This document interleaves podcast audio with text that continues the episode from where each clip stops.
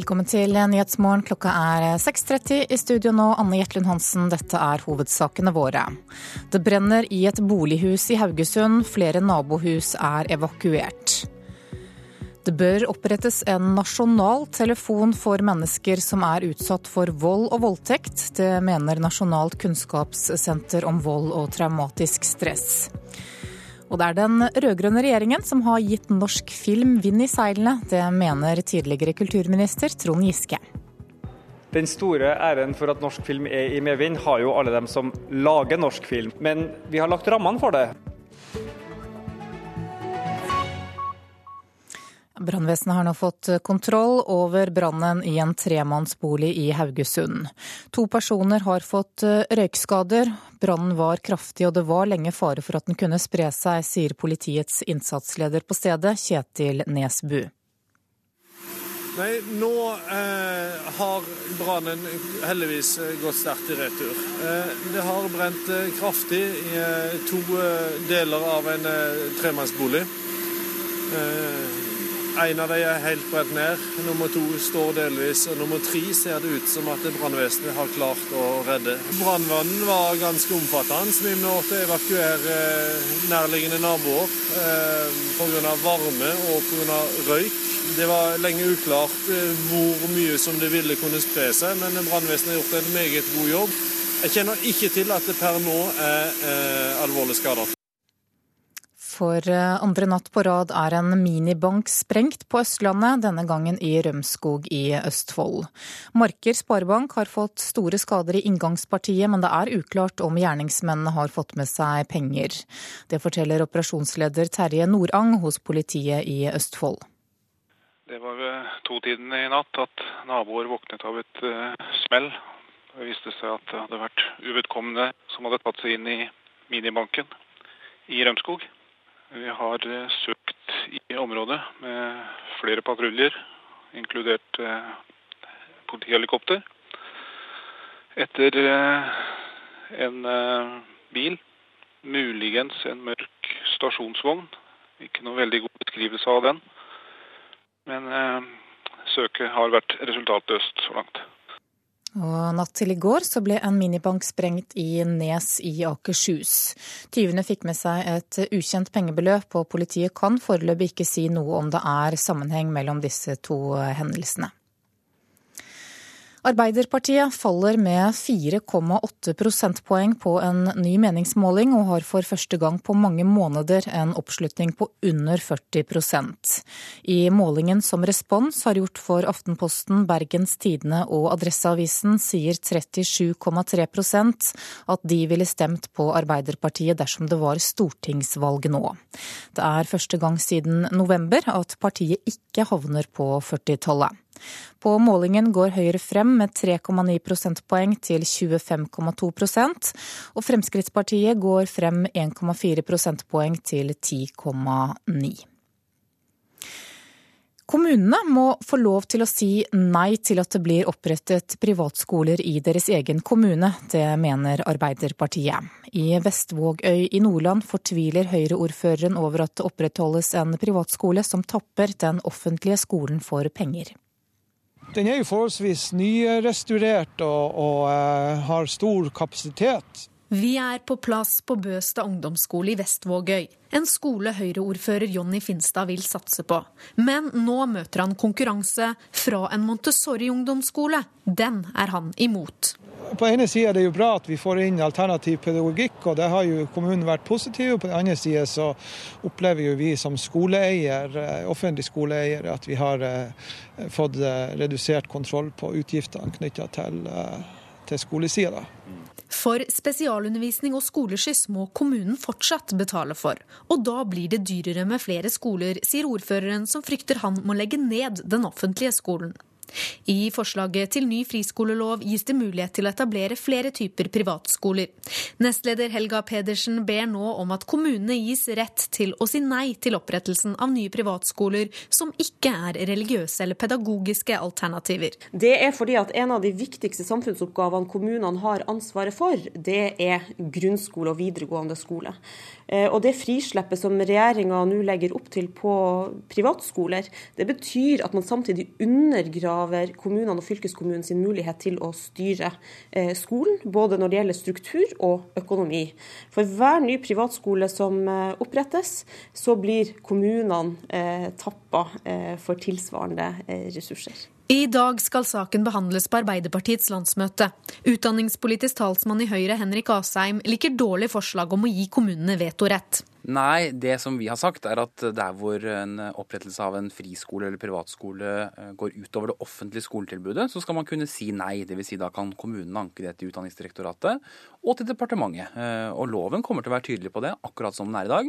At du kan ikke starte en friskole som går utover den offentlige skolen. Men en vetorett er vanskelig å vedta. Det er mye bedre at da Utdanningsdirektoratet tar den vurderingen sammen med kommunene. Men nå hører vi Høyre-ordføreren i Vestvågøy eh, si at han vil ikke ha noen Montessori-skole. Allikevel så har Utdanningsdirektoratet sagt ja til dette. Ja, og da er det den balansen som går mellom foreldrenes rett til å starte en skole for sine barn som de ønsker at de skal gå på, og så må man veie det opp mot det offentlige skoletilbudet. Og Her har eh, loven vært tydelig, og så har direktoratet kommet til en vurdering som sier at dette ikke går utover det offentlige skoletilbudet. og dermed så vil Men det være lov. Men det synes jo ordføreren. Ja, men det er derfor jeg er uenig i at en ordfører skal ha vetorett over foreldrenes rett til å velge skole for sine barn. Og tilbake i Vestvågøy fortsetter Høyre-ordføreren sin kamp for å bevare fellesskolen der. Han har sendt klage til Kunnskapsdepartementet. Det som jeg i hvert fall synes er en god idé, det er at eh, myndighetene hører enda mer på lokalpolitikerne og gir de avgjørende innflytelse i sånne typer saker. Reporter her, det var Veronica Westrin. Det er behov for å opprette en nasjonal telefon for mennesker som er utsatt for vold og voldtekt.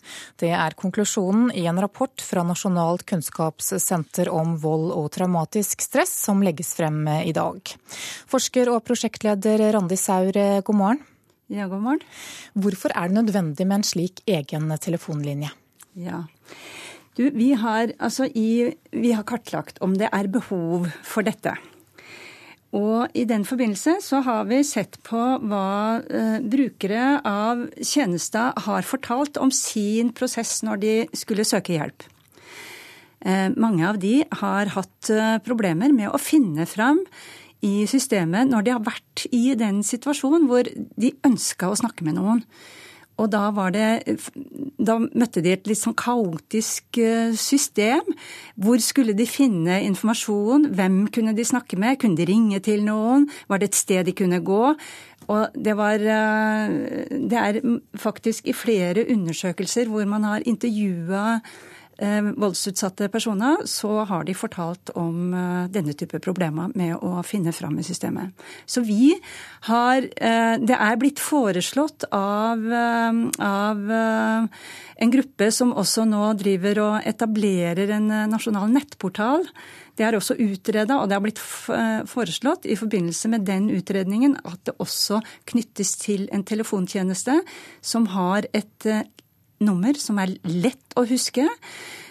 Som er lett tilgjengelig, som er døgnåpent, altså alle dager i året, hele døgnet. Og hvor folk kan ringe og få informasjon. Men vi har jo allerede slike hjelpetelefoner, flere av dem også. Vi har krisesentre over hele landet. Hvorfor er ikke det ja. godt nok? Ja, Det er sånn at vi, det er riktig det. Vi har mange telefontjenester. Og, og, også krise, krisesentre. Så er det sånn at de er alle sammen så er de litt sånn spesialisert litt i forhold til sine grupper som de tilbyr hjelp til. Og de, det er ingenting i veien med å ha spesialiserte tjenester, men det er det at en person som da er, har vært utsatt for en eller annen type vold, da, så er det ikke alltid at de ønsker Eller de, det er ikke alltid de vet om hvor de skal henvende seg. Det er nok sånn at krisesentrene er kanskje de som er best kjente. De, er da, de har da først og fremst jobba med partnervoldsutsatte mennesker og deres barn. Men så er det mange andre mennesker som også utsettes for vold. Det er, det er uh, vold fra ulike relasjoner. Uh, det er vold mot eldre, det er vold mot barn, det er vold mellom søsken, det er venner, det er voldtekter, ikke minst. Og overgrep av ulike slag. Og det er sånn at per i dag så eh, er ikke krisesentrene innretta for å jobbe med alle de forskjellige gruppene. Men det betyr ikke at de ikke kan bli det. Men du, eh, Hvis en som er utsatt for vold eller voldtekt eh, ringer et slikt nasjonalt nummer, hva slags eh, hjelp er da tanken at han eller hun kan få? Ja, tanken her er at de først og fremst skal få en skal kunne møte en person som er i stand til å, å være et medmenneske, og som kan høre på hva, har, hva er det dette dreier seg om, og hva er det personen ønsker. Det kan være sånn at den som ringer inn, kan ønske først og fremst å snakke litt om sitt, sitt, eh, sin opplevelse. Det er ikke sikkert at vedkommende veit akkurat hva man vil med den henvendelsen som videre, men mange vet også at de ønsker å søke hjelp. Da tenker vi at eh, en, de som er telefonvakter på en sånn telefon, de skal kunne være i stand til å gi en kunnskapsbasert informasjon om hva de kan gjøre, hvor de kan henvende seg videre. At de da sitter med en oversikt over eh, hvilke tjenester som finnes, og at de også kan fortelle om hvordan disse tjenestene arbeider, sånn at det ikke oppstår misforståelser i forhold til eh, altså, at man søker hjelp med et spesielt type problem. Folks situasjon er jo veldig ulike. Sånn at eh, det er mange forskjellige tjenester, og det er ikke alltid så lett for den som søker hjelp å vite hvor man skal. Så den informasjonen mener vi at en sånn telefon kan gi. De skal ikke være behandlere i den forstand at de skal følge opp, men gi, eh, gi god informasjon og kunne være et lyttende menneske og gi den informasjonen som er tilpassa akkurat den situasjonen som innringeren har. Randi Saur, takk for at du kom hit til Nyhetsmorgen. Ja. Da skal vi se hva avisene har på forsidene sine i dag. Partiet Enhedslisten i Danmark advarer venstresiden i Norge mot å gå inn for heldagsskole her i landet. Leder Johanne Schmidt-Nielsen sier til Klassekampen at SV og Arbeiderpartiet bør tenke over om det egentlig er en god idé. Heldagsskolen ble innført i Danmark i 2013, og Schmidt-Nielsen er ikke imponert. Arbeiderpartinestor Torvald Stoltenberg håper å snu sitt eget parti når det gjelder heroinassistert behandling. Jeg kommer aldri til å gi meg på dette, sier han til Dagsavisen. Mens Knut Storberget, som nå er landbrukspolitisk talsmann i samme parti, vil overtale partifellene på landsmøtet til å gi bøndene mer penger. Bøndene må få høyere inntektsvekst enn andre grupper, sier han til Nasjonen. VG har fokus på rasende bilister på sin forside i dag. Avisen forteller deg hvorfor mange blir sinte når de kjører bil, hva som irriterer bilistene mest, og hva du skal gjøre for å holde hodet kaldt. Før var militæret en sur plikt, nå er det et rotterace for å slippe inn. Det skriver Aftenposten i dag. Bare én av seks kommer gjennom nåløyet. Professor Ola Kvaløy ved Universitetet i Stavanger mener det bare er flaks når en fondsforvalter gjør det bedre enn en annen. Det er som et terningkast, det er helt åpent, sier han til Dagens Næringsliv. Stavanger Aftenblad forteller historien om hvordan forretningsmann Johannes Lunde kunne fortsette sin forretningsvirksomhet etter norgeshistoriens største konkurs. En 29 år gammel mann er tiltalt for grovt bedrageri i Nord-Troms. Det forteller Nordlys i dag. Ifølge tiltalen så lurte han gjensidige til å betale ut 2,2 millioner kroner for å bygge opp igjen et hus som brant i 2011. Men mannen skal ha tatt bilder av et annet hus for å dokumentere arbeidet med gjenoppbyggingen. På branntomten var det ikke gjort noe som helst, ifølge avisen. Nils Arne Eggen forteller om tapet av sønnen sin i Dagbladet i dag. Knut Torbjørn Eggen døde i 2012, og faren sier at han snakker med ham hver eneste dag. Fedrelandsvennen forteller at Norges nest eldste, nemlig Jenny Lindefjell fra Kvinesdal, fyller 110 år i dag. Arbeid knekker ingen, og lengst kommer en med kjærligheten, sier hun.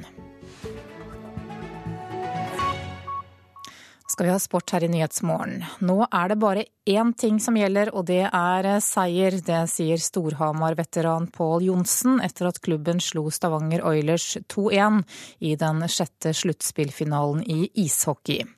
Dermed står det 3-3 i kamper i Best av sju-serien, og det hele blir avgjort i morgen i en superfinale i Stavanger. Nei, det er, eh, er bare én ting som gjelder, det er seier. Og håper vi får bøtta hjem til Hamar igjen. Det en ganske jevn match. Eh, ganske tam, dårlig match, men en god keeper. og vi skårer ett mål mer, rett og slett. Etter to strake tap slo altså Storhamar tilbake i NM-finalen i ishockey da Stavanger Oilers ble beseira 2-1 foran 6000 tilskuere. Oilers dominerte riktignok store deler av matchen, men godt forsvarsspill og en suveren keeper sikra seier til hedmarkingene. Vi utnyttet ikke sjansene våre, det sier Oilers-trener Petter Thoresen. I dag var vi det beste laget, eh, men ikke til å skåre mål. Eh, Mulig Storhamar eh, kunne ha vunnet på DNB sist, men det gjorde de ikke. Og vi bytta litt på rollene sånn i dag, syns jeg. Og reportere her, det var Pål Thomassen. Du hører på Nyhetsmorgen nå. Klokka er blitt 6.46. Dette er hovedsakene våre. Brannvesenet har fått kontroll over brannen i et bolighus i Haugesund. To personer har fått røykskader. Det bør opprettes en nasjonal telefon for mennesker som er utsatt for vold og voldtekt. Det mener Nasjonalt kunnskapssenter om vold og traumatisk stress. Og følg oss videre. Oljeraffineriet på Mongstad tjener svært godt på den lave oljeprisen. Nedgangen i oljenæringen merkes også i industribedrifter som leverer til oljeindustrien. En av dem er Bandak Group AS i Lunde i Telemark. De ser en nedgang på opp mot 40% for produkter til havbunnen fordi utbyggingen nesten har stoppet opp. Foreløpig har Bandak andre produkter som gjør at de holder hjulene i gang, men de er redd for hva som skal skje de siste månedene av dette året. Har vel ca. 10-12 som er permitterte da, per i dag. og Det er jo ikke akkurat noe lett greie å gjøre det, men uh, vi må tenke på de som skal være igjen her, og bedriften skal ha penger til å drive. Tor Johan Hynne har rundt 40 år bak seg i bedriften. Han vet at det kommer oppturer og nedturer. Jeg har vært med i industrien i så mange år som jeg har nå, så har vi hatt mange sånne opp- og nedturer. På landsbasis er arbeidsløsa rundt 3 i industrifylket Telemark er den tett opp mot 4% den høyeste i landet. Det er i industrikommunene arbeidsløsa stiger mest. Alt tyder på at vi ennå ikke har sett effekten av den sterkt reduserte oljeaktiviteten. Administrerende direktør Lars Erik Hilsen i Bandak sier at de er svært spente på det kommende halve året. Akkurat nå så har vi god fart, men vi har også samtidig permittert mennesker eh, fordi vi er usikre på markedsposisjonen framover. Hvis jeg ser på gruppen for Lunde, så er det sånn at vi har eh, hittil i år vi har kanskje 5-10 ned på ordreinngangen. Hvis du ser på subsea-biten alene, så er det ganske formidabelt. Altså det er kanskje 40% ned. Det er eh, ganske tøft. Ja, men står det i gangen her, Megge? Ket Odny Apalnes, også kalt Mor Bandak, mener at de har ei vinneroppskrift. Vi jobber så i lag, sammen med de. Vi er et team. Og ingen av oss har lyst til å hoppe ut av det teamet og si at Makent entusiasme, det. Det må være drømmerolle å være sjef her. Ja, det er det. Altså, det, er, det er som jeg, sier, jeg har sagt mange ganger til det, at det som er unikt, da, det er en veldig sånn 'dette skal vi få til'-kultur. Og det er en eh, passion for å bygge et engelsk ord, da på det man driver med. Man er veldig opptatt av bedriften sin, og mange har vært her i mange år og har vært i mange roller. Har veldig brei kompetanse på hva vi driver med. Det kombinert med en enorm vilje til å få det til, det er ganske sterkt og unikt. da. Og Det må man passe på også når det er tøffe tider. Hva er hovedproduktet dere lager her? Mye til offshore. Havbåndprodukter, men uh, alt som kan bearbeides med dreibenker og fresemaskiner og den type ting. Så Bandak har jo ingen egne produkter sånn sett, som er, tar på oss leiearbeid for alle. Så Det er jo det vi merker i markedet nå, da, at det er mindre etterspørsel, så vi må være mer aktive ut og prøve å selge og dra inn jobber. Dag Sæterdal er ingeniør, og smitta den ukuelige framtidstrua til kollegaene. Ja, jeg har i hvert fall tenkt å jobbe her i noen år. Kjøpt meg hus og trives veldig godt. Så. Hva betyr det å ha jobb i forhold til å bo og få unger? og ja, det er, jo veldig viktig. Det gir jo en sikkerhet i, i, i hverdagen som Nå har jeg funnet ut at jeg skal bli pappa til høsten, så det hjelper jo veldig å ha en, en stødig arbeidsplass. Reporter var Anne Langvik. Men mens noen taper på at oljeselskapene kutter investeringer, så er det også noen som tjener på den lave oljeprisen. Oljeraffineriet på Mongstad kjøper olje, og tjener for tiden derfor svært godt på at oljeprisen er lav. Det sier informasjonsleder Jon Halstein Tjora ved Statoil Mongstad. Nå er vi i en situasjon med en lav oljepris, og i tillegg har vi en sterk dollarkurs. Og Det gjør da at nå tjener vi mye bedre enn vi har gjort de senere årene. Når vi får kjøpe et rimelig olje, råvareprisen er rimelig lav, og eh, vi får bra betalt for produktene våre, så tjener vi jo mer penger. Når vi får mye kroner, altså en sterk dollarkurs i forhold til norsk krone, så får vi da mye kroner for de produktene vi selger. Dette her er veldig gledelig. Det sier Ove Lunde som er daglig leder i bransjeorganisasjonen Hordaland olje og gass. Utviklinga på Mongstad nå som industriplass går rett vei. Ja, For det har jo vært mørke skyer over eh, Mongstad lenge? Ja, de har hatt sine utfordringer over flere år med kjempestore nedskrivninger. Er det et paradoks her?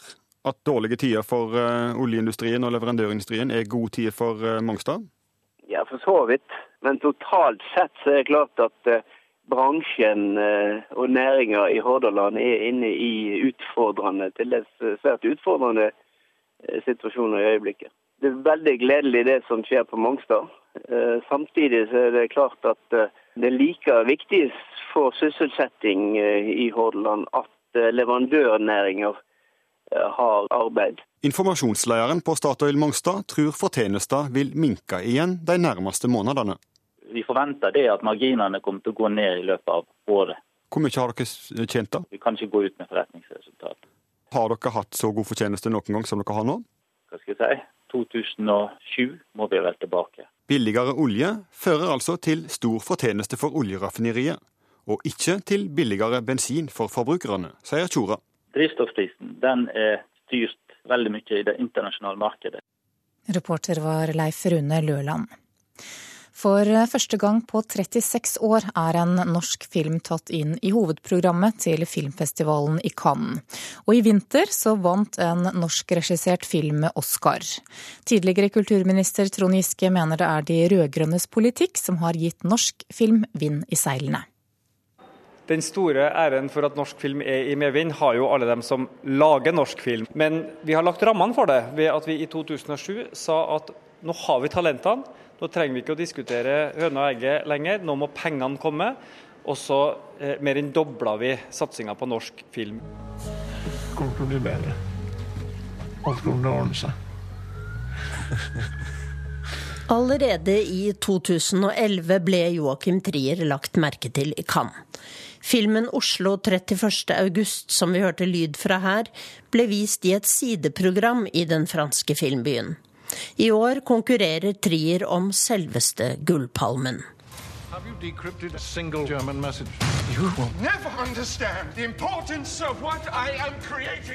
Morten Tyldums film 'The Imitation Game' stakk av med en Oscar-statuett i Los Angeles. Grunnlaget for suksessen til både Tyldum og Trier la de rød-grønne i 2007, mener Giske. Vi satt noen utrolig ambisiøse mål. Vi sa at vi skulle doble publikumsoppslutninga. Vi skulle ha 25 av kinobilletter solgt på norske filmer. Vi skulle lage minst 25 filmer hvert år. Eh, vi skulle vinne internasjonale priser. Det var tre av eh, fem mål. Trond Giske mener at den gode trenden er truet av dagens filmpolitikk, og at signalene fra regjeringen har vært enten negative eller fraværende. Det første eh, Høyre og Frp gjorde da de kom i regjering, var jo å kutte i filmbudsjettet. Altså, kulturministeren har jo sagt veldig klart at målene fra min filmmelding i 2007 ikke lenger gjelder. Man har gått bort fra de målene. Nå er det jeg vet ikke helt hvilke mål som gjelder. Eh, ambisjonene er borte. Kulturminister Toril Vidvei kjenner seg ikke igjen i denne karakteristikken. Det syns jeg er litt om, for å si det forsiktig. Blir det Berlin, Cannes og Los Angeles med denne regjeringens politikk? Ja, altså Det er jo opp til de som produserer det, som lager gode filmer. Altså Regjeringen eh, har til enhver tid et ansvar for å legge forholdene godt til rette. At det finnes muligheter for å kunne lage god norsk film. Det kommer denne regjeringen til å fortsette med. Reporter var Tone Staude. I går kveld åpnet dronning Sonja utstillingen Prize Prints The Queen Sonja Print Award i New York. Dermed er den internasjonale satsingen for dronningens kunststiftelse i gang. Nå skal stiftelsen dele ut to priser, og det trenger de nye støttespillere for å klare. I hereby declare the exhibition Prize Prints open. Med kongelig tittel og kunstfaglig tyngde hadde dronning Sonja gode sjanser for suksess i går kveld. Veggene i galleriet i Scandinavia House på Manhattan var dekte med verk signert Majestetens S, og med arbeid av andre kunstnere knytta til dronning Sonja kunststipend. I rommet myldra norgesvenner, kunsteliten og journalister. De var de første til å få se utstillinga Price Prints. It really shows the kind of Nordic community that's been established around contemporary art is really batting at the first level of international contemporary art. It's quite impressive. Jason Farago er imponert. Kunstkritikeren i New Yorker og Guardian sier utstillinga viser at nordisk samtidskunst er i verdstoppen. Og arbeidet dronninga stiller ut er overraskende gode, mener han. I, will be perfectly honest. Uh, I wasn't expecting to like it so much, um, but I really did. Um, the, the, Her Majesty has an incredible talent of getting three dimensions out of a two-dimensional print. The, her... Jeg skal være helt ærlig, jeg trodde ikke jeg ville like bildet hennes så godt. Hennes Majestet greier å skape et tredimensjonalt inntrykk av et todimensjonalt bilde, sier kritikeren, og priser dronning Sonja sin fargebruk.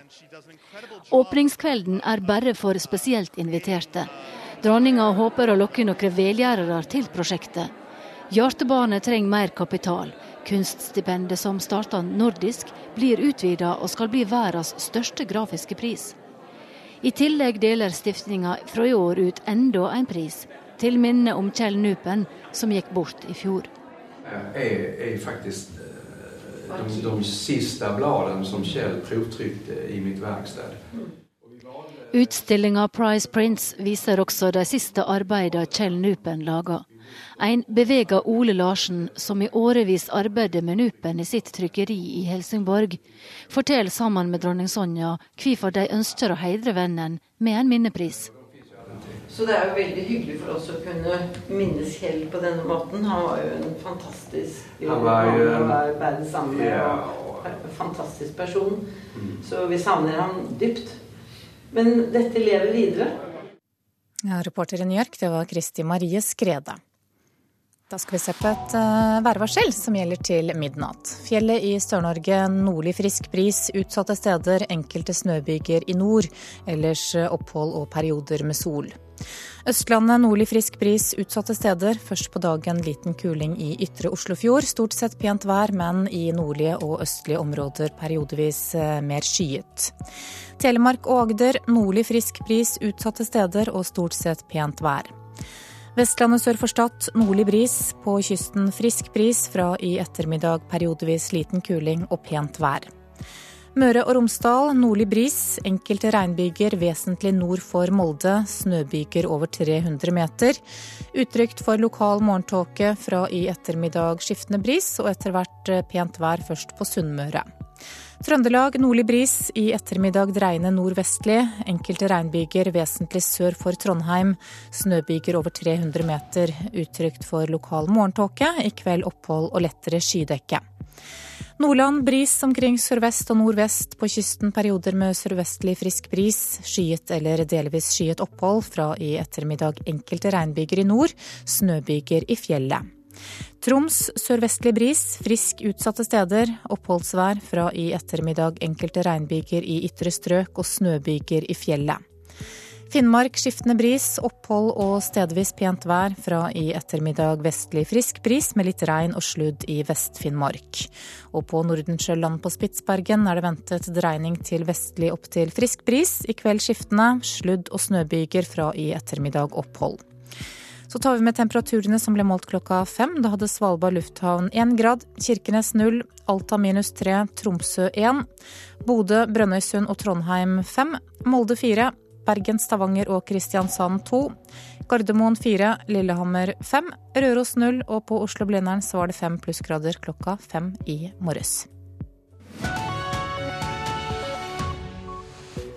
Klokka er 7.03. Eh, Nyhetsmorgen fortsetter med disse sakene. Pårørende føler seg ofte satt på sidelinjen når noen av deres nærmeste blir psykisk syke. Vi burde vært en ressurs i behandlingen, men slipper ikke til, sier en av dem det gjelder. Norske sykehus skal bli bedre på akuttmedisin. Og bankenes alternative boligsparing for ungdom er i strid med loven. Det mener iallfall Forbrukerombudet. Som vi hørte i Dagsnytt, Mental Helse har fått rekordmange henvendelser etter at NRK denne uken har hatt fokus på psykisk sykdom. Miriam Nergård blogger for Mental Helse og hadde en bror som var psykisk syk i flere år. Det å være pårørende er utmattende og slitsomt, sier hun. De som eh, er behandlingsansvarlige, de, de, deler ikke nok informasjon med pårørende. Og det er et problem, fordi pårørende burde være en ressurs i behandlingen. Ja på NTT-en. I leiligheten i Oslo. Miriam Negård lager te mens hun forteller om broren som var psykisk syk i seks år.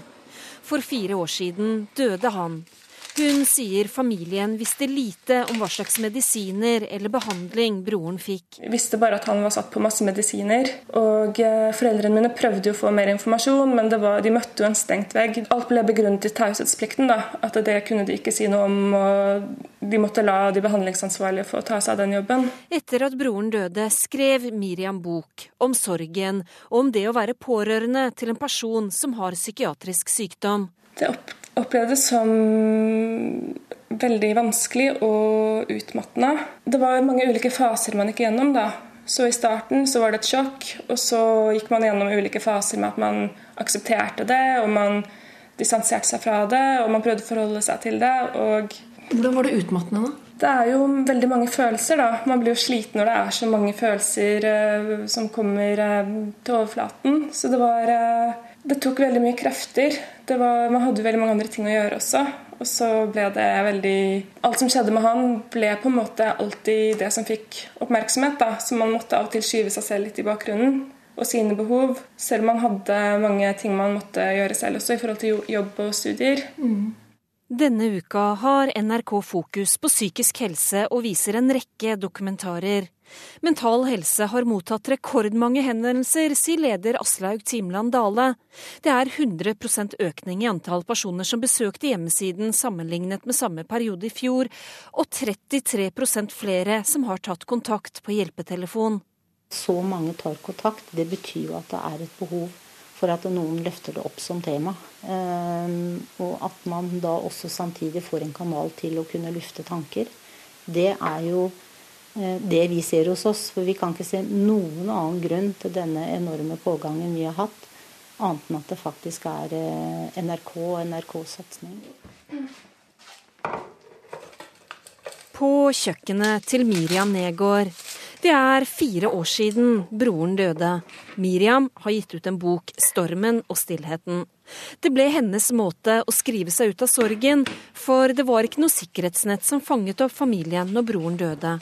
Hun sier de ikke fikk tilbud om et kriseteam som kunne hjulpet dem. Det hadde jo vært fint om det f.eks.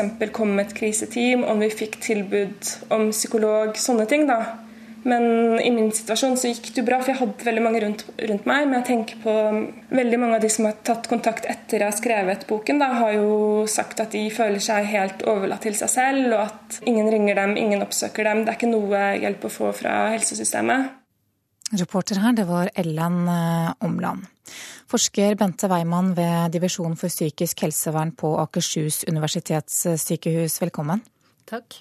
Hvordan stemmer det Miriam Nergård forteller her med dine erfaringer? Mine erfaringer som forsker bekrefter jo dessverre veldig mye av det Miriam Nergård eh, forteller om.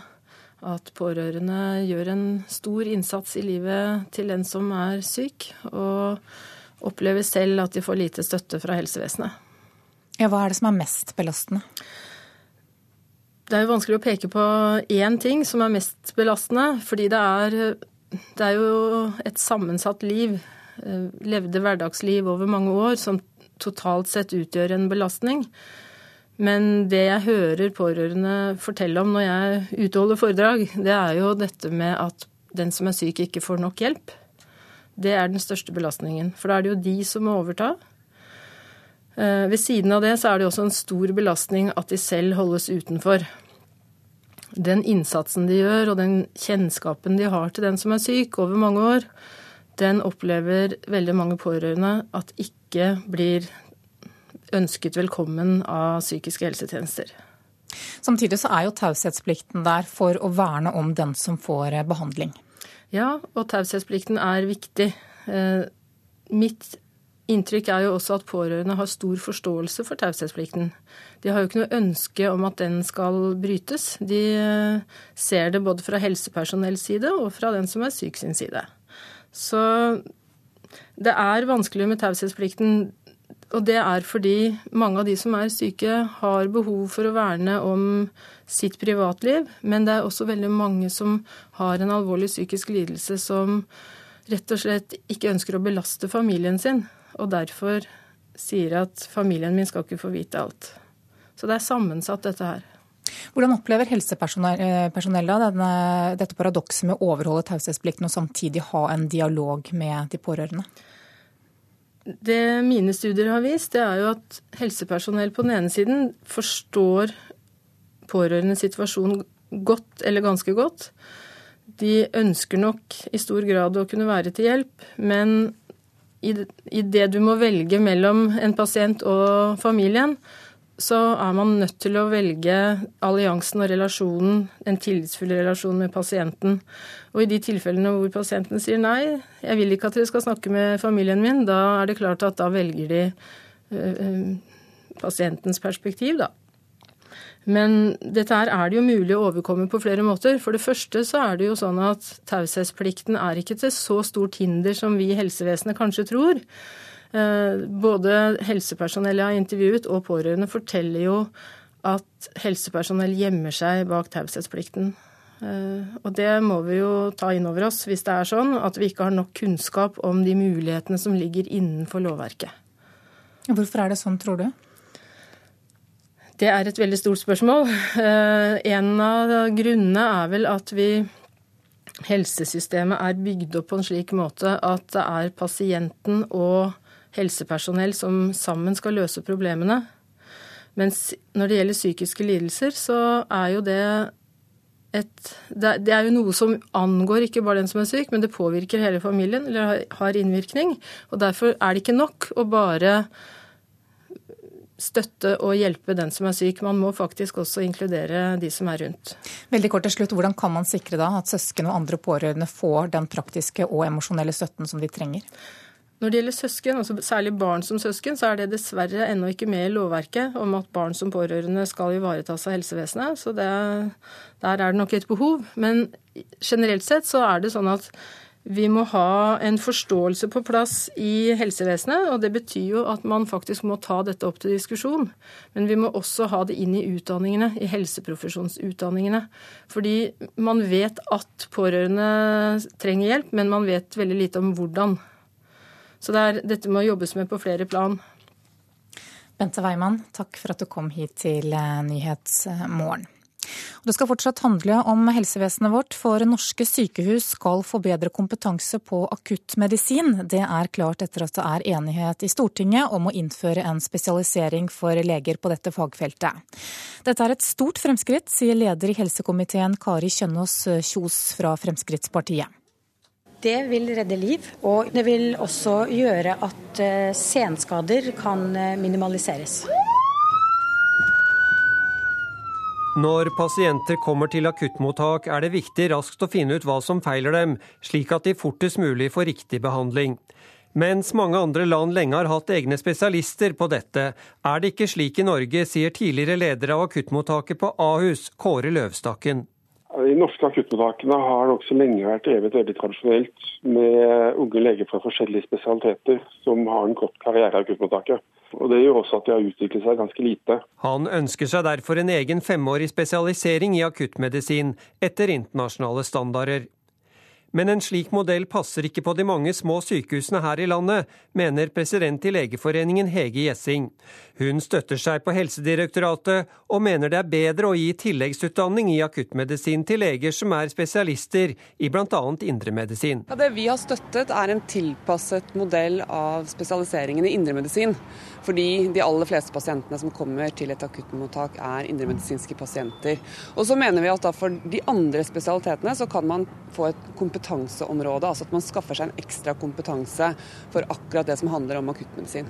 Helseminister Bent Høie sier regjeringen ennå ikke har landet på hvilke løsninger de skal gå inn for.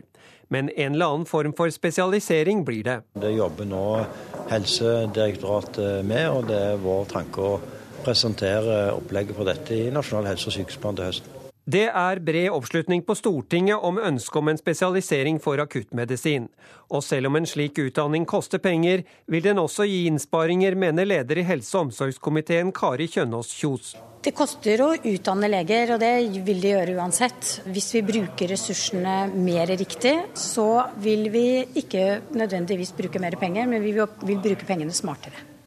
Reportere var Pål Wergeland og Tom Ingebrigtsen. Bankenes alternative boligsparing for ungdom er i strid med loven, det mener Forbrukerombudet. Årsaken er at bankene tar store gebyrer dersom kundene avslutter avtalen, og ombudet mener nå at bankene må endre praksisen sin. Nå er dette brevet akkurat kommet i posten, eh, posten, vår, så det er nok litt tidlig for oss å, å, å si om vi er enig i den, eh, den, tolkningen. Sier kommunikasjonsdirektør Jan Erik Faane i Finans Norge.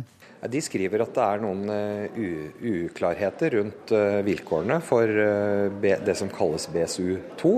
I brevet slår Forbrukerombudet fast at bankenes BSU-lignende sparing er i strid med loven, fordi kunden må betale opptil 40 000 kroner hvis de ønsker å si opp kontoen eller flytte pengene til en annen bank. Det gebyret mener vi er ulovlig.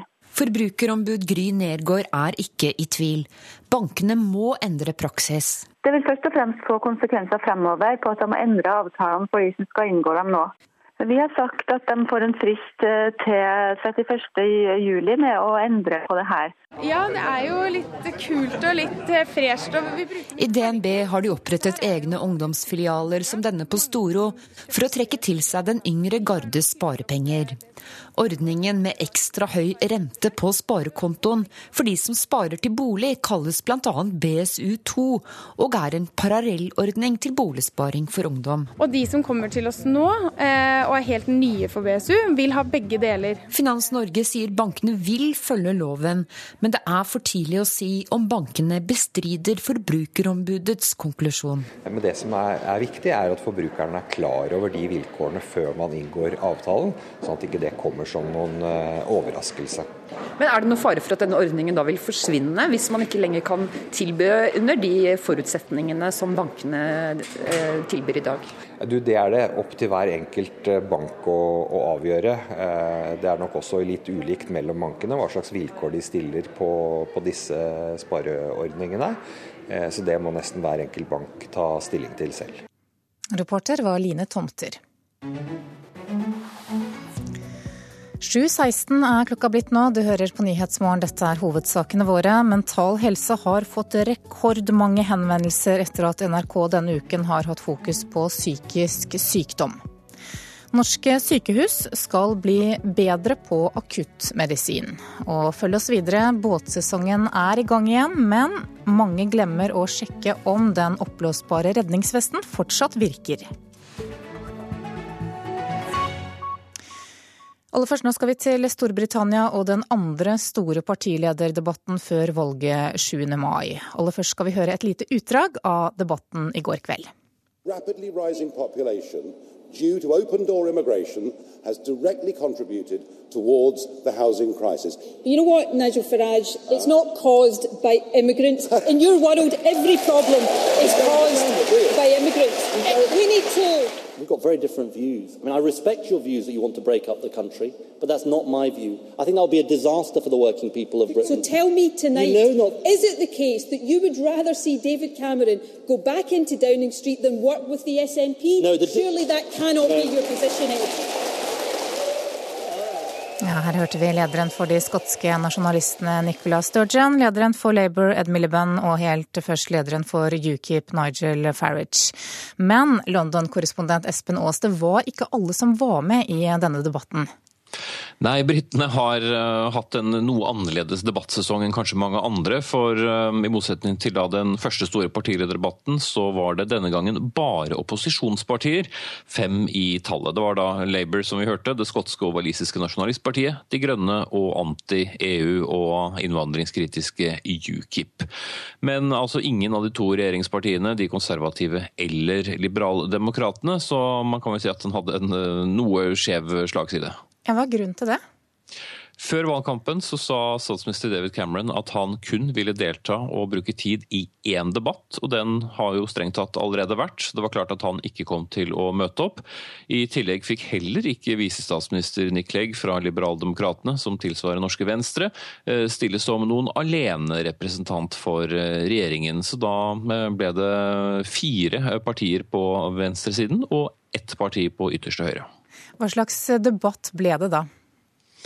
Den ble jo naturlig nok preget av at det ikke var noen med ansvar til stede, men like fullt eh, sine intense øyeblikk, som vi hørte. Ikke minst eh, da lederen av de skotske nasjonalistene sa til Labour-leder Ed Miliband at eh, jeg kan sørge for at du blir statsminister, og fikk da følge av både det walisiske nasjonalistpartiet og De Grønne.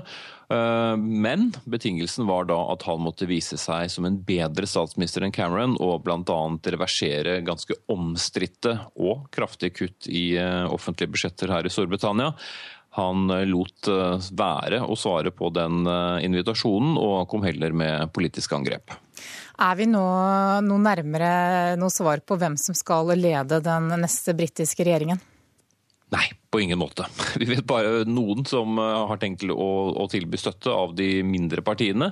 Men om uh, Labour-lederen til slutt kommer til å, å, takke ja til det for å, å flytte inn i nummer ti, eller om uh, statsminister David Cameron på nytt vil klare å samle nok støtte uh, bak seg via nåværende regjeringspartner Liberaldemokratene eller ikke, det er helt til blå. Det er ikke engang sikkert at det er nok for å skaffe ham flertall. Så britene de fortsetter for første gang på mange, mange mange år å gå inn i en valgkamp uten å ane uh, hvem som i, i det minste kunne ligge an til å bli størst. Det er spennende tider. Takk for at du var med direkte, London-korrespondent Espen Aas. Det internasjonale pengefondet IMF har de siste 30 årene aldri gitt noen betalingsutsettelse. Det sa fondets direktør Christine Lagarde i Washington i går, med Hellas som klar adresse. Innen midten av mai skal den nye, den nye radikale regjeringen i Hellas betale renter og avdrag på rundt 8 milliarder kroner til pengefondet.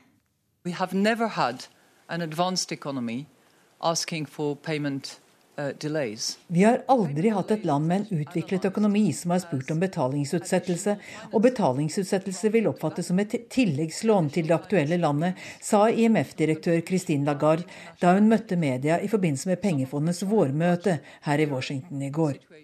Uttalelsen ble tolket som et svar til den greske regjeringens uformelle sonderinger om å få utsatt innbetalingene som forfaller 1. og 12. mai.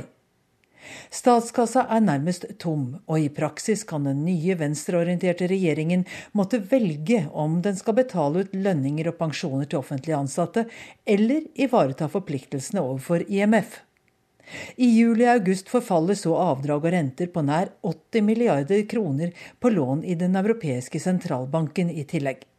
For øyeblikket er EU innstilt på å holde tilbake den siste delen av redningspakken som Hellas fikk forhandle seg fram til da landet sist var på randen av konkurs, i 2010. Det er også et stort beløp, over 60 milliarder kroner. 24.4 møtes eurosonens finansministre i Latvia, og meningen var da å undertegne en avtale som forplikter den nye greske regjeringen til å fortsette med reformene som den forrige, langt mer konservative regjeringen hadde gått med på. Det vil bl.a. si omfattende privatisering og kutt i pensjonsordninger. Det vil være galt å undertegne en slik avtale, sa den greske finansministeren Yanis Varoufakis her i Washington i går.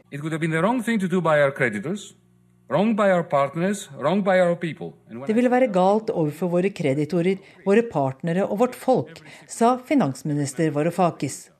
Han er riktignok for en avtale, men ønsker en dialog med EU som bl.a. omfatter betingelsene knyttet til privatisering, om krav til investeringer og utvikling, og om beskyttelse av arbeider og miljø. Tysklands finansminister Wolfgang Schäuble sa onsdag at han ikke tror en avtale med Hellas kom på plass neste uke. Igjen trues landet av konkurs, og spørsmålet er hvor mye EU og IMF nå vil stille opp for å unngå at Hellas helt eller delvis forlater eurosonen. Gro Holm, Washington. Da skal vi se hva avisene har på forsidene sine i dag. Partiet Enhetslisten i Danmark advarer venstresiden i Norge mot å gå inn for heldagsskole her i landet. Leder Johanne Schmidt-Nielsen sier til Klassekampen at SV og Arbeiderpartiet bør tenke over om dette egentlig er en god idé. Heldagsskolen ble innført i Danmark i 2013, og Schmidt-Nielsen er ikke imponert. Arbeiderpartinestor Torvald Stoltenberg håper å snu sitt eget parti når det gjelder heroinassistert behandling. Jeg kommer aldri til å gi meg på dette, sier han til Dagsavisen. Mens Knut Storberget, som nå er landbrukspolitisk talsmann i samme parti, vil overtale partifellene på landsmøtet til å gi bonden mer penger. Bøndene må få høyere inntektsvekst enn andre grupper, sier han til Nasjonen i dag. VG har fokus på rasende bilister på sin forside. Og avisen forteller deg hvorfor mange blir sinte når de kjører bil, hva som irriterer bilistene mest og hva du skal gjøre for å holde hodet kaldt. Før var militæret en sur plikt, nå er det et rotterace for å slippe inn. Det skriver Aftenposten. Bare én av seks kommer gjennom nåløyet. Professor Ola Kvaløy ved Universitetet i Stavanger mener det bare er flaks når en fondsforvalter gjør det bedre enn en annen. Det er som et terningkast, det er helt åpent, sier han til Dagens Næringsliv. Stavanger Aftenblad forteller historien om hvordan forretningsmannen Johannes Lunde kunne fortsette sin forretningsvirksomhet etter norgeshistoriens største konkurs. En 29 år gammel mann er tiltalt for grovt bedrageri i Nord-Troms. Det forteller Nordlys. Ifølge tiltalen lurte han gjensidige til å betale ut 2,2 millioner kroner for å bygge opp igjen et hus som brant i 2011. Men mannen skal ha tatt bilder av et annet hus for å dokumentere arbeidet med gjenoppbyggingen. På branntomta var det ikke gjort noe som helst, ifølge avisen. Nils Arne Eggen forteller om tapet av sønnen sin i Dagbladet i dag. Knut Torbjørn Eggen døde i 2012, og faren sier at han snakker med ham hver eneste dag.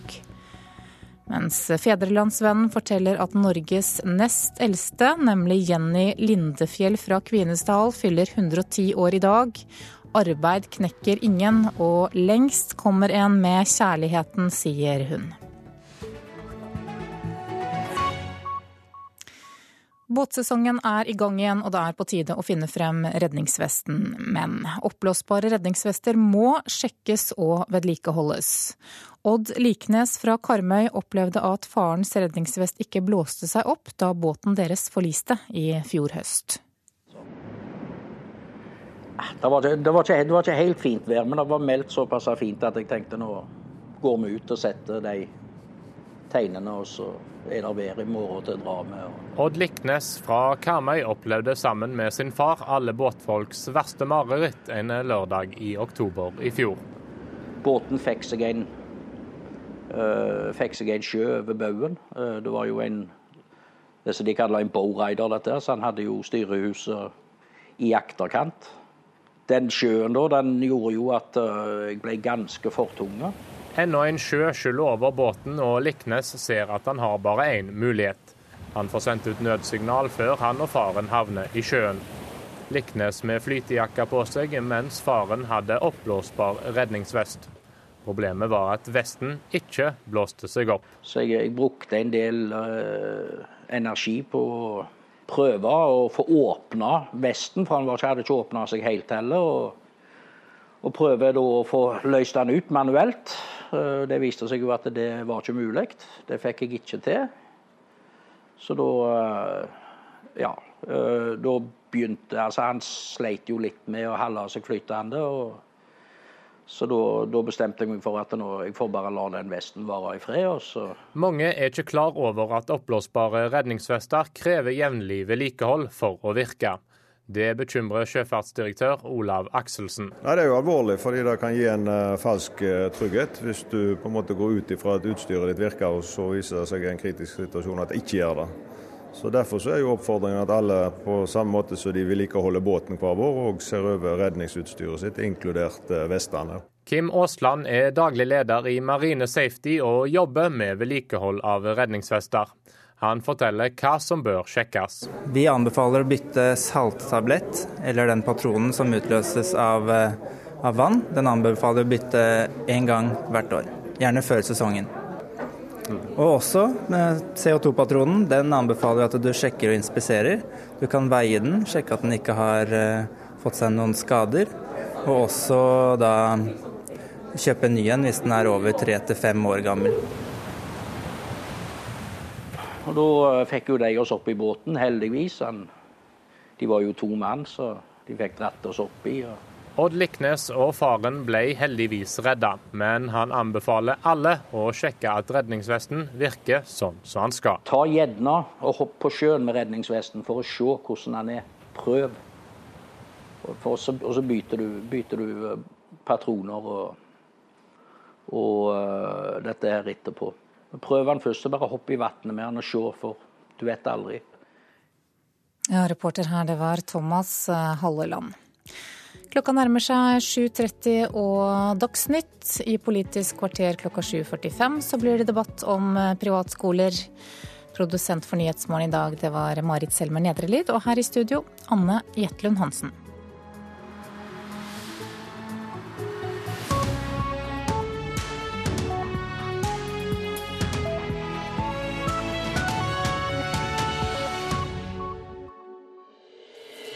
Ekko helg. En cannabis-joint er opptil 20 ganger sterkere i dag enn på 80-tallet. Hva gjør det med de som ruller sju-åtte av dem om dagen?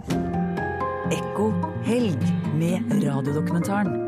Lørdag klokken 9 til 11 på NRK P2. Rekordmange til kontakt med Mental Helse etter NRK-serie om psykisk sykdom. 10 000 flyktninger er redda i Middelhavet den siste veka, men hundrevis vil dø i tida som kommer, frykter Amnesty. Kommunene må få si nei til privatskoler, mener Arbeiderpartiet, og får støtte fra Høyre-ordfører. Her er NRK Dagsnytt klokka 7.30. Rekordmange har tatt kontakt med organisasjonen Mental Helse etter at NRK denne veka har sendt mange saker om psykisk sykdom. Miriam Negård eh, blogger for Mental Helse og hadde en bror som var psykisk syk i mange år. Å være pårørende er utmattende og slitsomt, men eh, det er også et tabu, sier Negård.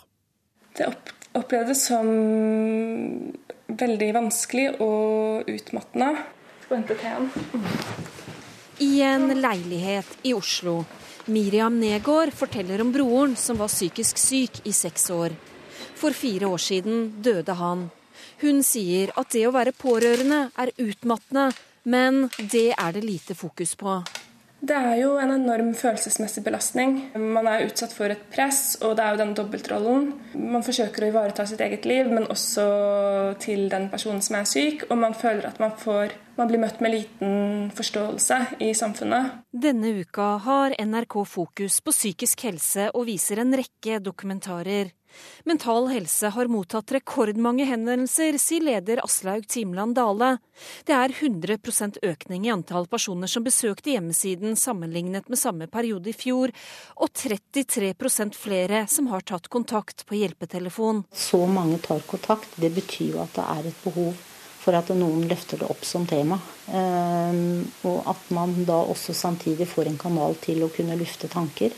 Det er jo Eh, det vi ser hos oss. For vi kan ikke se noen annen grunn til denne enorme pågangen vi har hatt. Etter at broren døde, skrev Miriam bok som heter 'Stormen og stillheten'. Det ble hennes måte å skrive seg ut av sorgen. For det var ikke noe sikkerhetsnett som fanget opp familien når broren døde. Det hadde jo vært fint om det f.eks. kom et kriseteam, om vi fikk tilbud om psykolog, sånne ting, da. Men i min situasjon så gikk det jo bra, for jeg hadde veldig mange rundt, rundt meg. Reporter Ellen Omland. Bare i løpet av den siste veka er over 10 000 båtflyktninger redda i Middelhavet, men enda flere vil legge ut på den livsfarlige reisa mellom Nord-Afrika og Europa i løpet av de neste månedene. Of course, we know that the situation is grave, and we almost brace ourselves in the knowledge that it will only get worse in the weeks and months to come. Selvfølgelig vet vi at situasjonen er alvorlig, og vi må innse at det bare vil bli verre i ukene og månedene som kommer, fordi været blir bedre og våre naboområder fortsetter å være preget av uro og konflikt, sier Natasha Berthaud, talsperson for innvandringsspørsmål i EU. Hun snakker om båtflyktningene som strømmer over Middelhavet fra Afrika til Europa i håp om et bedre liv. De som sørger for at de ansatte ved den italienske kystvakten alltid har for mye å gjøre. Siden forrige fredag har de reddet over 10 000 båtflyktninger, forteller Leopoldo Manna i Kystvakten. For allerede nå merker man at det en visedirektør i Amnesty kaller for dødens årstid, er på vei. Over 400 omkomne i et forlis tirsdag, 41 i går, og en rystende historie om flyktninger som kaster hverandre over bord, er det som har nådd overskriftene den siste uka. Likevel vil en varmere og roligere tid til sjøs få enda flere til å begi seg ut på den livsfarlige ferden over Middelhavet i månedene som kommer. Reporter Silje Herbro Landsverk. De farligste leirene i terrorgruppa IS i vår region er fra Skandinavia. Det sier den syriske presidenten Bashar al-Assad i et intervju med den svenske avisa Ekspressen. Daesh or ISIS in our region are Scandinavian. Assad sier videre at tryggingstjenestene i Skandinavia ikke arbeider om informasjon om IS-leirene. Han sier videre at terroråtakene i Europa de siste åra, til dømes åtaket mot satiremagasinet Charlie Hebdo i Paris, er noe han har advart mot i årevis. Norske sykehus skal få bedre kompetanse på akuttmedisin. Et flertall på Stortinget vil innføre en spesialisering for leger på dette fagfeltet. Et stort framsteg, sier leder i helsekomiteen Kari Kjønaas Kjos fra Frp. Det vil redde liv, og det vil også gjøre at eh, senskader kan eh, minimaliseres. Når pasienter kommer til akuttmottak, er det viktig raskt å finne ut hva som feiler dem, slik at de fortest mulig får riktig behandling. Mens mange andre land lenge har hatt egne spesialister på dette, er det ikke slik i Norge, sier tidligere leder av akuttmottaket på Ahus, Kåre Løvstakken. De norske akuttmottakene har nokså lenge vært drevet veldig tradisjonelt med unge leger fra forskjellige spesialiteter som har en kort karriere i akuttmottaket. Han ønsker seg derfor en egen femårig spesialisering i akuttmedisin etter internasjonale standarder. Men en slik modell passer ikke på de mange små sykehusene her i landet, mener president i Legeforeningen Hege Gjessing. Hun støtter seg på Helsedirektoratet og mener det er bedre å gi tilleggsutdanning i akuttmedisin til leger som er spesialister i bl.a. indremedisin. Fordi de aller fleste pasientene som kommer til et akuttmottak er indremedisinske pasienter. Og så mener vi at for de andre spesialitetene så kan man få et kompetanseområde, altså at man skaffer seg en ekstra kompetanse for akkurat det som handler om akuttmedisin. Helseminister Bent Høie sier regjeringen ennå ikke har landet på hvilken løsning de skal gå inn for.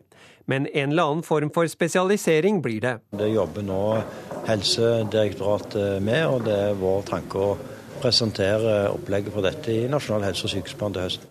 Reportere Tom Ingebrigtsen og Pål Wergeland. Kommunene må få lov til å si nei til privatskoler, det mener Arbeiderpartiet. I Vestvågøy i Nordland er Høyre-ordføreren fortvila over at det kommer en privatskole, noe som gir mindre penger til den offentlige skolen. Den er jo forholdsvis nyrestaurert og, og Vi er på plass på Bøstad ungdomsskole i Vestvågøy. En skole Høyre-ordfører Jonny Finstad vil satse på. Men nå møter han konkurranse fra en Montessori-ungdomsskole. Den er han imot. Og da frykter vi rett og slett for at uh, Bøstad skole i fremtida ikke vil kunne ha ei eh, ungdomsskole. For spesialundervisning og skoleskyss må kommunen fortsatt betale for, og da blir det dyrere med flere skoler, sier ordføreren som frykter han må legge ned den offentlige skolen. Nå ber nestleder i Arbeiderpartiet Helga Pedersen om at kommunene gis rett til å si nei til opprettelsen av nye privatskoler som ikke er religiøse eller pedagogiske alternativer. Jeg mener det er utrolig viktig at Stortinget slår fast at kommunene sjøl skal ha mulighet til å styre sin eh, skolestruktur. Og Det betyr også at eh, kommunene må ha et siste ord med i laget. Utdanningspolitisk talsmann i Høyre Henrik Asheim liker dårlig forslag om å gi kommunene vetorett. Og Derfor så sier vi ganske tydelig at ikke du kan starte en skole som går utover det offentlige tilbudet. Men vi er også veldig opptatt av foreldreretten, nemlig at foreldre skal kunne velge en skole for sine barn, også en skole som ikke er den offentlige skolen, men kanskje et litt annet tilbud, f.eks. en Montessori-skole. Og tilbake i Vestvågøy fortsetter Høyre-ordføreren sin kamp for å bevare fellesskolen der. Han har sendt klage til Kunnskapsdepartementet. Det som jeg i hvert fall synes er en god idé, det er at eh, myndighetene hører enda mer på lokalpolitikerne og gir de avgjørende innflytelse i sånne typer saker. Reportere Veronica Westrin og Jon Inge Johansen. Bankene sine alternative BSU-ordninger er i strid med lova. Årsaka er at bankene tar store gebyr dersom kundene avslutter avtaler. Det sier Forbrukerombudet, som slår fast at bankene må endre praksisen med bostadssparing for ungdom. Nå er dette brevet akkurat kommet i posten, eh, posten vår, så det er nok litt tidlig for oss å, å, å si om vi er enig i den, eh, den tolkningen. Sier kommunikasjonsdirektør Jan Erik Faane i Finans Norge. I brevet slår Forbrukerombudet fast at bankenes BSU-lignende sparing er i strid med loven, fordi kunden må betale opptil 40 000 kroner hvis de ønsker å si opp kontoen eller flytte pengene til en annen bank. Eh, det gebyret mener vi er ulovlig. Forbrukerombud Gry Nergård er ikke i tvil. Bankene må endre praksis. Det vil først og fremst få konsekvenser fremover på at de må endre avtalene for de som skal inngå dem nå. Ja, det er jo litt kult og litt eh, fresht. I DNB har de opprettet egne ungdomsfilialer som denne på Storo, for å trekke til seg den yngre gardes sparepenger. Ordningen med ekstra høy rente på sparekontoen for de som sparer til bolig, kalles bl.a. BSU2, og er en parallellordning til boligsparing for ungdom. Og de som kommer til oss nå eh, og er helt nye for BSU, vil ha begge deler. Finans Norge sier bankene vil følge loven, men det er for tidlig å si om bankene bestrider Forbrukerombudets konklusjon. Eh, og konklusjonen på det, det skal jeg ikke avsløre her og nå. Reporter Line Tomter. Ansvarlig for sendinga Anne Skårseth, Marianne Myrhol og Vidar Eidhammer.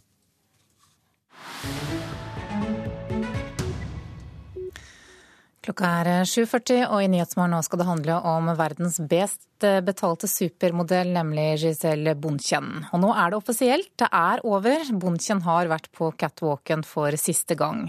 Det er ikke dermed sagt at hun trekker seg tilbake, men denne uken avsluttet hun et viktig kapittel i sitt liv i Sao Paulo, der det hele begynte for 20 år siden. Og utenriksmedarbeider Joar Hoel Larsen har engasjert seg i dette. Det går ikke helt på skinner for Brasil for tiden. De tapte 7-1 mot Tyskland i semifinalen i fotball-VM på hjemmebane i fjor. Landet sliter for øyeblikket med en korrupsjonsskandale som kommer stadig nærmere landets president Dilma Rousef. Det er kritisk tørke over store deler av landet mens det er flom i Amazonas.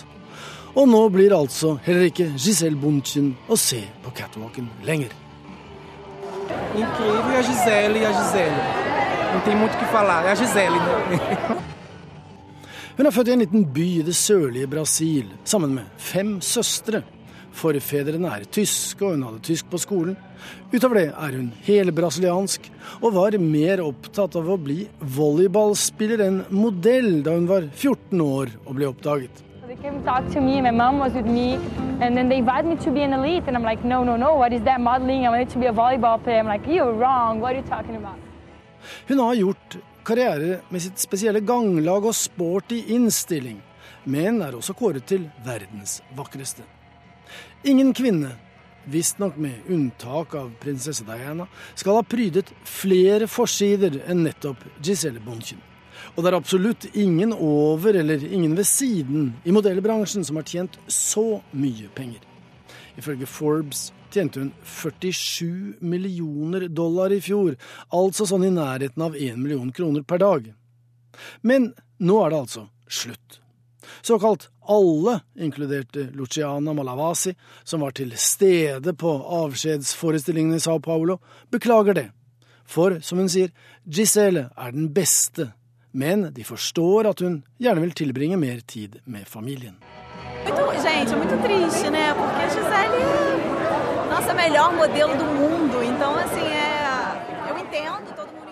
Og familien, det er to barn, det. En fem år gammel gutt og en tre år gammel jente. Og så er det ektemannen Tom Brady. Quarterback på New England Patriots, en av USAs beste i amerikansk fotball. Han har vunnet et utall voteringer, har satt det som kan settes av rekorder, og er kåret til årets beste flere ganger. I'm a happy person. I have a great life. Hennes kollega Natalia Martins syns det er vemodig at en epoke nå er over. Gisela har betydd så mye for så mange av kollegaene, sier hun. Acho que a Gisele deu abertura no mundo da moda para todos os outros modelos. Ela simplesmente arrasou nesse desfile novamente. Men det er ikke bare slutt. Avskjeden med catwalken betyr innledningen på en ny og lukrativ karriere som frontfigur for fitnessbransjen for treningsprodukter, helse og velvære. Hun er for lengst i gang, opptrer på talkshows og gir gode råd til blant andre Jimmy Fallon. I, I, I like to think I'm an athlete. I mean, I like sports, and I, I was thinking, you know, like women's strength and about what you want is not listening to the outside noise and really focusing and like your goals and, and so that's the idea is about empowering and, and, and strong women That's perfect for and you. um, That's you. That is you. Yeah. Så vi har på ingen måte sett det siste av Giselle Bundchen.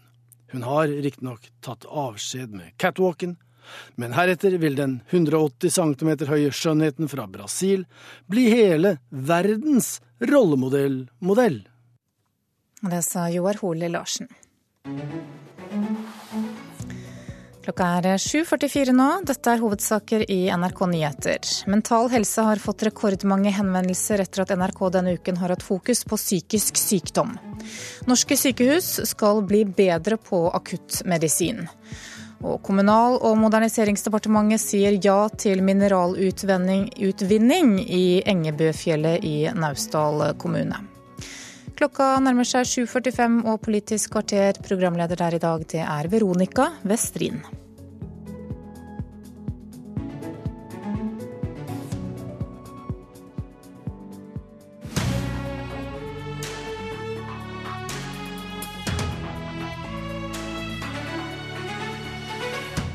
Høyre-ordfører protesterer mot opprettelse av privatskole. Nå vil Arbeiderpartiet gi kommunene vetorett.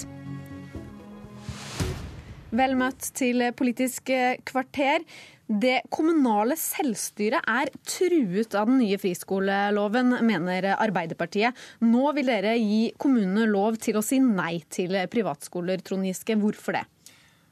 Fordi regjeringa nå foreslår en eh, veldig mye større åpning for flere privatskoler. Det tror vi skader den offentlige skolen. Hver krone som går til disse nye privatskolene, eh, kommer ikke fra et nytt budsjett, de går fra det offentlige skolebudsjettet. og Da må det offentlige, eh, kommunen eller fylket, legge ned sine plasser. Eh, Og Dette kan gå ganske alvorlig utover f.eks. muligheten til å ha en desentralisert skolestruktur. Skoler i mindre bygder eller grender. Styre tilbudet eh, etter det f.eks. arbeidsmarkedet spør etter når det gjelder yrkesfag osv. Og, og hvis, eh, men bare hvis, eh, stortingsflertallet nå velger å liberalisere privatskoleloven, da mener vi at for disse nye paragrafene som skal godkjenne eh, privatskoler, bør det være en mulighet for kommuner og fylker å si nei, når de ser at dette har stor skadevirkning for det skoletilbudet de sjøl skal gi. Ja, Henrik Asheim i Høyre, dere er jo tradisjonelt eh, svært opptatt av det lokale selvstyret. Så hvorfor ikke la kommunene bestemme dette selv? Ja, Her er det nok ganske langt mellom retorikk og politikk. Det eksempelet du med, viser til med Vestvågøy og Høyre-ordfører der, det er jo en Montessori-skole han har fått godkjent. Og han har fått godkjent innenfor det rød-grønne regelverket som Trond Giskes regjering innførte. Så det er jo ikke slik at eh, han heller vil gi noe vetorett i den saken. Den vil bli behandlet helt likt om det var den forrige regjeringen eller denne regjeringen som styrer. Men det vi da diskuterer, er jo da de nye skolene. altså Det vi foreslår, er to nye kriterier. Yrkesfaglige skoler eh, som samarbeider med bransjen. Og så foreslår vi noen sånne eh, ekstraordinære skoler, altså realfagsgymnas osv. Ja, her vil Arbeiderpartiet da ha en vetorett. Ja, og det som Arbeiderpartiet da sier at da skal vi ha en lov som forskjellsbehandler i den forstand at hvis det er en Montessori- eller kristenskole, da kan den starte uten vetorett. Da har ikke ordføreren noen ting å si. Eller har noe å si, men da har de ikke noe vetorett. Men hvis det er skoler som skal være yrkesfaglige, ja da skal det være en vetorett. Og jeg syns det er veldig rart å lage en lov som forskjellsbehandler forskjellige typer skoler som er lov å starte innenfor en lov. Eh, da er det bedre å være konsekvent på det. Hvorfor ikke også gi de som er et pedagogisk og religiøst alternativ en vetorett, slik Høyre-ordføreren i Vestvågøy ber om? Ja, jeg er enig med Asheim at det beste er å være konsekvent og ha felles regel for eh, alle. Og det beste da er å la være å utvide kraftig eh, muligheten til å drive privatskole med subsidiering fra det offentlige budsjettet. Men hvorfor skille mellom eh, disse nye privatskolene skal tillates? Ja, det skal jeg innrømme at det skyldes rett og slett at vi føler oss forplikta av det breie privatskoleforliket som vi inngikk med KrF eh, i 2007. Eh, vi mener at det er best for både elevene i privat og offentlig skole, og ikke minst lærere og kommuner, at man har en forutsigbarhet og en stabilitet i privatskolepolitikken. Nå sprenger jo forslaget fra Høyre og Frp dette eh, forliket eller denne brede enigheten i fillebiter. Nå blir det fritt fram å åpne videregående skole med yrkesfag. Og dette profilskoler, For å bli profilskole så trenger du egentlig bare et par timer ekstra i et fag, så er du profilskole. Og det er ingen privatskolekjeder som ikke klarer å oppfylle det kriteriet. Så dette er nesten det samme som man har i regjeringserklæringa om at det skal være rett til støtte til privatskoler. Da skal vi høre med deg, Anders Tyvan i KrF. Vil du støtte en slik vetorett og gi kommunene det? Nei, Jeg tror ikke det er behov for å gi kommunene en, en vetorett. Eh, regjeringen har foreslått en eh, viss innstramming i den forstand at man skal kunne legge noe større vekt på hensynet til eh, kommunene og den offentlige skolen på stedet enn det man gjør i dag, og jeg tror at det er nok. Men så syns jeg at Arbeiderpartiet er inne på et litt interessant spor. Og det kan godt hende at den innstrammingen som det nå legges opp til, kun bør gjelde for de nye skolene som blir godkjent på de nye grunnlagene. Og Grunnen til det, det er jo at de skolene vi har i dag, som utgjør et alternativ basert på religion eh, eller på alternativ pedagogikk, de eh, bidrar til å oppfylle den såkalte foreldreretten, altså foreldrenes rett til å velge en skoletype for sine barn som er i tråd med egen religiøs, moralsk og filosofisk overbevisning. De nye skolene som nå vil bli godkjent, eh, profilskolene, enten det er snakk om en ungdomsskole med et toppidrettstilbud eller en realfagsgymnas, de kan ikke knyttes til denne foreldreretten på samme måten. Tolker jeg deg dit hen at du egentlig er mot disse disse nye privatskolene som skal tillates?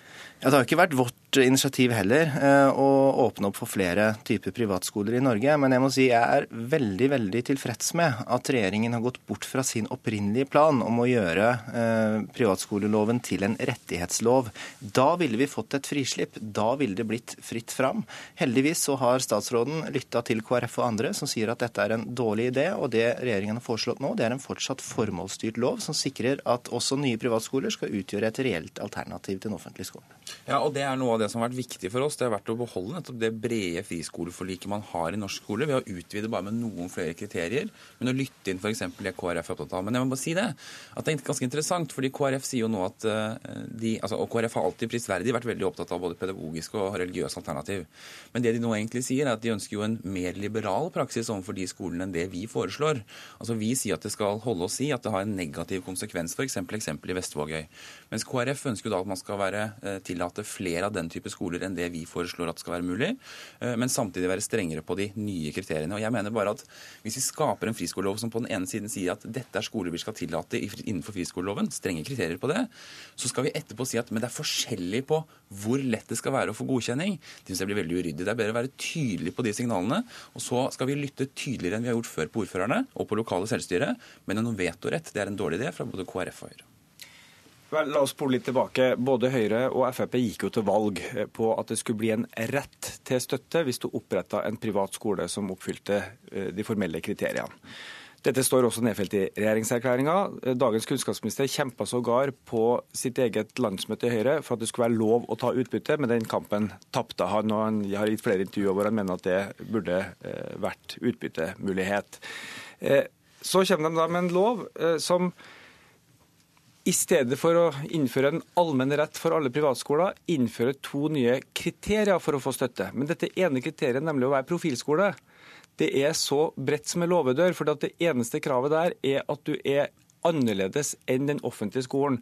Hva skal til for å være annerledes enn den offentlige skolen? Jo, det er minimum to ekstra timer i uka. Og det står i lovproposisjonen, som jeg har tatt meg bryet å lese, på side 27, at departementet legger til grunn at hovedregelen skal være at dersom vilkårene anses oppfylt, skal godkjenning gis. Så dette med at ikke det er lenger en rett, det er egentlig bare lureri. For dette er bare en annen måte å få gjennom det Høyre og Frp har i sin regjeringserklæring. Og det er jo ikke rart det, at en regjering ønsker å få gjennom regjeringserklæringa si. Det må man forstå. Eh, men eh, å si at dette er veldig annerledes, det er faktisk i strid med det som står i forslaget. Det vil bli en massiv privatisering. Men dette kommer du til å støtte, Anders Tyvand i KrF? Ja, Vi har i hvert fall eh, en positiv innstilling til det som ligger på bordet nå. og Det er fordi vi vet at alternativet ville vært så veldig mye verre. Eh, alternativet ville vært et frislipp. Alternativet ville vært fritt fram for alle som ønsker å etablere en friskole. Eh, nå har vi fått begrensa det til de som kan dokumentere og vise at de vil utgjøre et reelt alternativ. Og Så blir det opp til oss i Stortinget når vi skal behandle dette, og gi dette en fornuftig innramming som gjør at dette ikke i praksis blir et frislipp for alle. Og når vi har laget en lov som da forsøker å skape det brede forliket Helt riktig som Giske sier, altså vi gikk til valg på en mer liberal friskolelov enn det vi nå legger frem. Så her har KrF spilt inn ja, vi, Vårt mål er å lage en lov som også kan stå seg over tid, og som sektoren selv har sagt til oss, altså de som driver friskoler, sier ikke kom nå med en lov som kan reverseres veldig lett, kom med et bredt forlik. og Derfor så strekker vi ut en hånd til KrF, ja til og med til Senterpartiet, for den saks skyld Arbeiderpartiet. Men når Trond Giske da bruker tid på både å snakke om at uh, kunnskapsministeren angivelig har foreslått eh, tillatt utbytte, det har han overhodet ikke gjort. Jeg mistenker at du da henvise til et eller annet landsmøte hvor han var unge Høyre-leder på begynnelsen av 2000-tallet eller noe sånt. Nei, han har ikke foreslått det der. Og så er Det altså det er ikke sant. Ja, og det andre er jo, om det, Andy kan jo, Hvem som helst som lytter på denne sendinga, kan jo bare slå opp, slå opp i intervjuer med, med Men, men nå er ikke Torbjørn Røe Isaksen her. Han, men, men, han er i pappaperm. Poenget er at sant, han, For det første så foreslår ikke han det, for det andre så foreslår ikke vi det. Og Trond Giske forsøker nå å lage denne loven til mer omfattende enn den er. Og det er fordi han ønsker et spill og et, en debatt rundt en lov som er langt mer moderat enn han skulle ønske at den var. For han skulle ønske at dette var en kjempeideologi ideologisk konflikt. Sannheten er at vi beholder den loven som har vært, og så utvider vi med to nye kriterier som vi mener er gode, strenge kriterier for å da tillate noen flere entusiaster enn de som får lov i dag. Og jeg ser ikke noen grunn til at f.eks. restaurantbransjen i Oslo, 80 restauranter har gått sammen der om å få lov å starte en restaurant-, servitør- og kokkeskole. Men, men tilbake til denne Høyre-ordføreren som vi har hørt på radioen i dag. Han er uenig i at eh, en Montessori-skole, altså et pedagogisk alternativ som eh, Trond Giske ikke vil at man skal kunne si nei til, i sin egen kommune kommune. Han vil ikke ha den, for han mener at den går utover det offentlige tilbudet, og frykter at skolen må legges ned. Tror du det er den alternative pedagogikken som er avgjørende for at man velger å opprette en Montessori-skole på dette stedet? Altså jeg tror det varierer litt. I denne kommunen så er det slik at de allerede har tillatt to barneskoler som er Montessori-skoler, og så har den ene ønsket å utvide til ungdomsskole. Så der tror jeg faktisk det er på en måte entusiaster. Men man ser jo en utfordring i en del distriktskommuner, som er at man legger ned kanskje en grendeskole for å lage en annen skolestruktur. Og så går foreldrene sammen og starter en Montessori-skole. Eh, ikke først og fremst fordi de er Montessori-entusiaster, men for å starte en skole. Jeg sier ikke at det er tilfellet overalt, men noen steder så er det en utfordring. Og det er en del av den loven som vi nå diskuterer. Derfor så kommer vi med et strengere kriterium enn det som har vært under de rød-grønne. Vi sier at det holder å si at det er en negativ konsekvens, eh, ikke at det skal være en særskilt negativ konsekvens. Men det er veldig klart i praksis, og det tror ikke jeg Høyre må tenke å foreslå endra, at det at det legges ned en offentlig skole pga. en privatskole, det er ikke nok for å eh, si nei. Eh, det var i hvert fall den praksisen som ble ført av Kristin Clemet. Eh, hun, hun, sa faktisk ja til jeg tror det var 14 000 plasser i videregående skole hvor fylket hadde sagt nei fordi de mente at det hadde negativ konsekvens for det offentlige. Og det som skjer, bare for å beskrive det litt, er særlig på videregående, så kommer de privatskolene til å bli etablert i de store byene. Eh, det er der de har kundegrunnlag, for dette er jo eh, selvfølgelig kunder da, i dette systemet. Fylket er nødt til å legge ned videregående skoler over hele fylket. For de små skolene, som også mister elever til disse private, er så marginale, det er kanskje bare akkurat nok til å fylle de ulike klassene på de ulike linjene, at man mister tilbudet lokalt. Da må jo resten av elevene, som ikke lenger har en lokal skole å gå til, også flytte inn til de store byene. Og dette er jo ikke bare noe skremsel. Dette skjedde jo i stort monn i 2005, eh, da Kristin Clemet eh, liberaliserte. Er dette en frykt du deler? Så hva jeg, si det? jeg forstår denne Høyre-ordføreren. Eh, og det er mulig at det skulle vært rett å ha en lokal vetorett for alle skoler hvis dette privatskoleforliket nå ryker. Så må jo vi også revurdere vår politikk i forhold til resten av privatskolene. Eh, men jeg mener at den balansen vi har nå, hvor 3% går i privatskoler, og hvor de andre går i den offentlige fellesskolen, hvor folk møtes på tvers av sosiale skiller, det har vært en god lov for Norge. Jeg synes Det er interessant å høre at Trond Giske sier at de vil vurdere eh, å gi en vetorett til kommunene for alle typer privatskoler eh, i framtida, dersom ikke den loven som nå ligger på bordet, går igjennom. Eh, da har Arbeiderpartiet bevega seg veldig langt bort fra det forliket som vi inngikk med de rød-grønne partiene i 2007.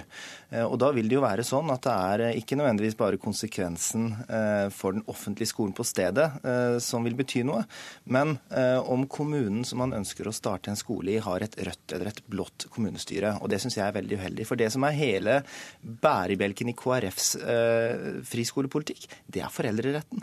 Det er muligheten til å velge et alternativ i tråd med egen religiøs, moralsk og filosofisk overbevisning. Og den mener jeg den skal vi verne om. Eh, og da må vi være veldig forsiktige med å gi kommunene en mulighet til å si nei av politiske grunner. Og den foreldreretten er du også veldig opptatt av, Henrik Asheim. Hva tenker du om det du hører Trond Giske si her nå? Jeg mener at Trond Giske nå slapp katta ut av sekken. fordi nå sa han at det de egentlig vil, er å gi da eh, kommunene vetorett også over de pedagogiske og religiøse alternativene.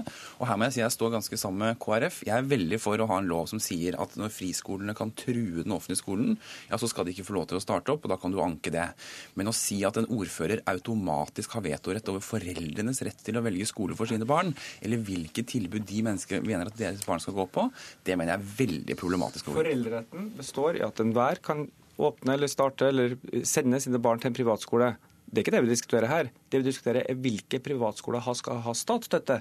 Og Det er et helt annet spørsmål. og Det er ikke regulert av noen konvensjoner. Og om kommunene kan si nei til dette. Og, og, og, om en kommune skal gi fra sine skolepenger, legge ned sine skoler, kutte sine lærere, fjerne sine skoleplasser for at man skal opprette en privatskole. Og Én ting er en kommune, men i et fylke hvor skolen blir oppretta i en kommune langt unna, men den lokale videregående skolen forsvinner, da forstår jeg veldig godt at mange ønsker seg en vetorett for å sikre at man rett og slett har et tilbud om skolegang i sin egen kommune. Dere skal behandle saken i dag. Eh, snart skal den også behandles eh, på Stortinget. Eh, da vil dere gi deres støtte, Anders Tyvand, og sikre at denne dette forslaget til lov går gjennom? Vi vil være konstruktive, og jeg er veldig glad for at det lovforslaget som nå ligger på bordet, er en fortsatt formålsstyrt lov og ikke en rettighetslov som gir alle som vil det, en rett til å starte friskole i Norge. Det var et politisk kvarter. Takk for nå.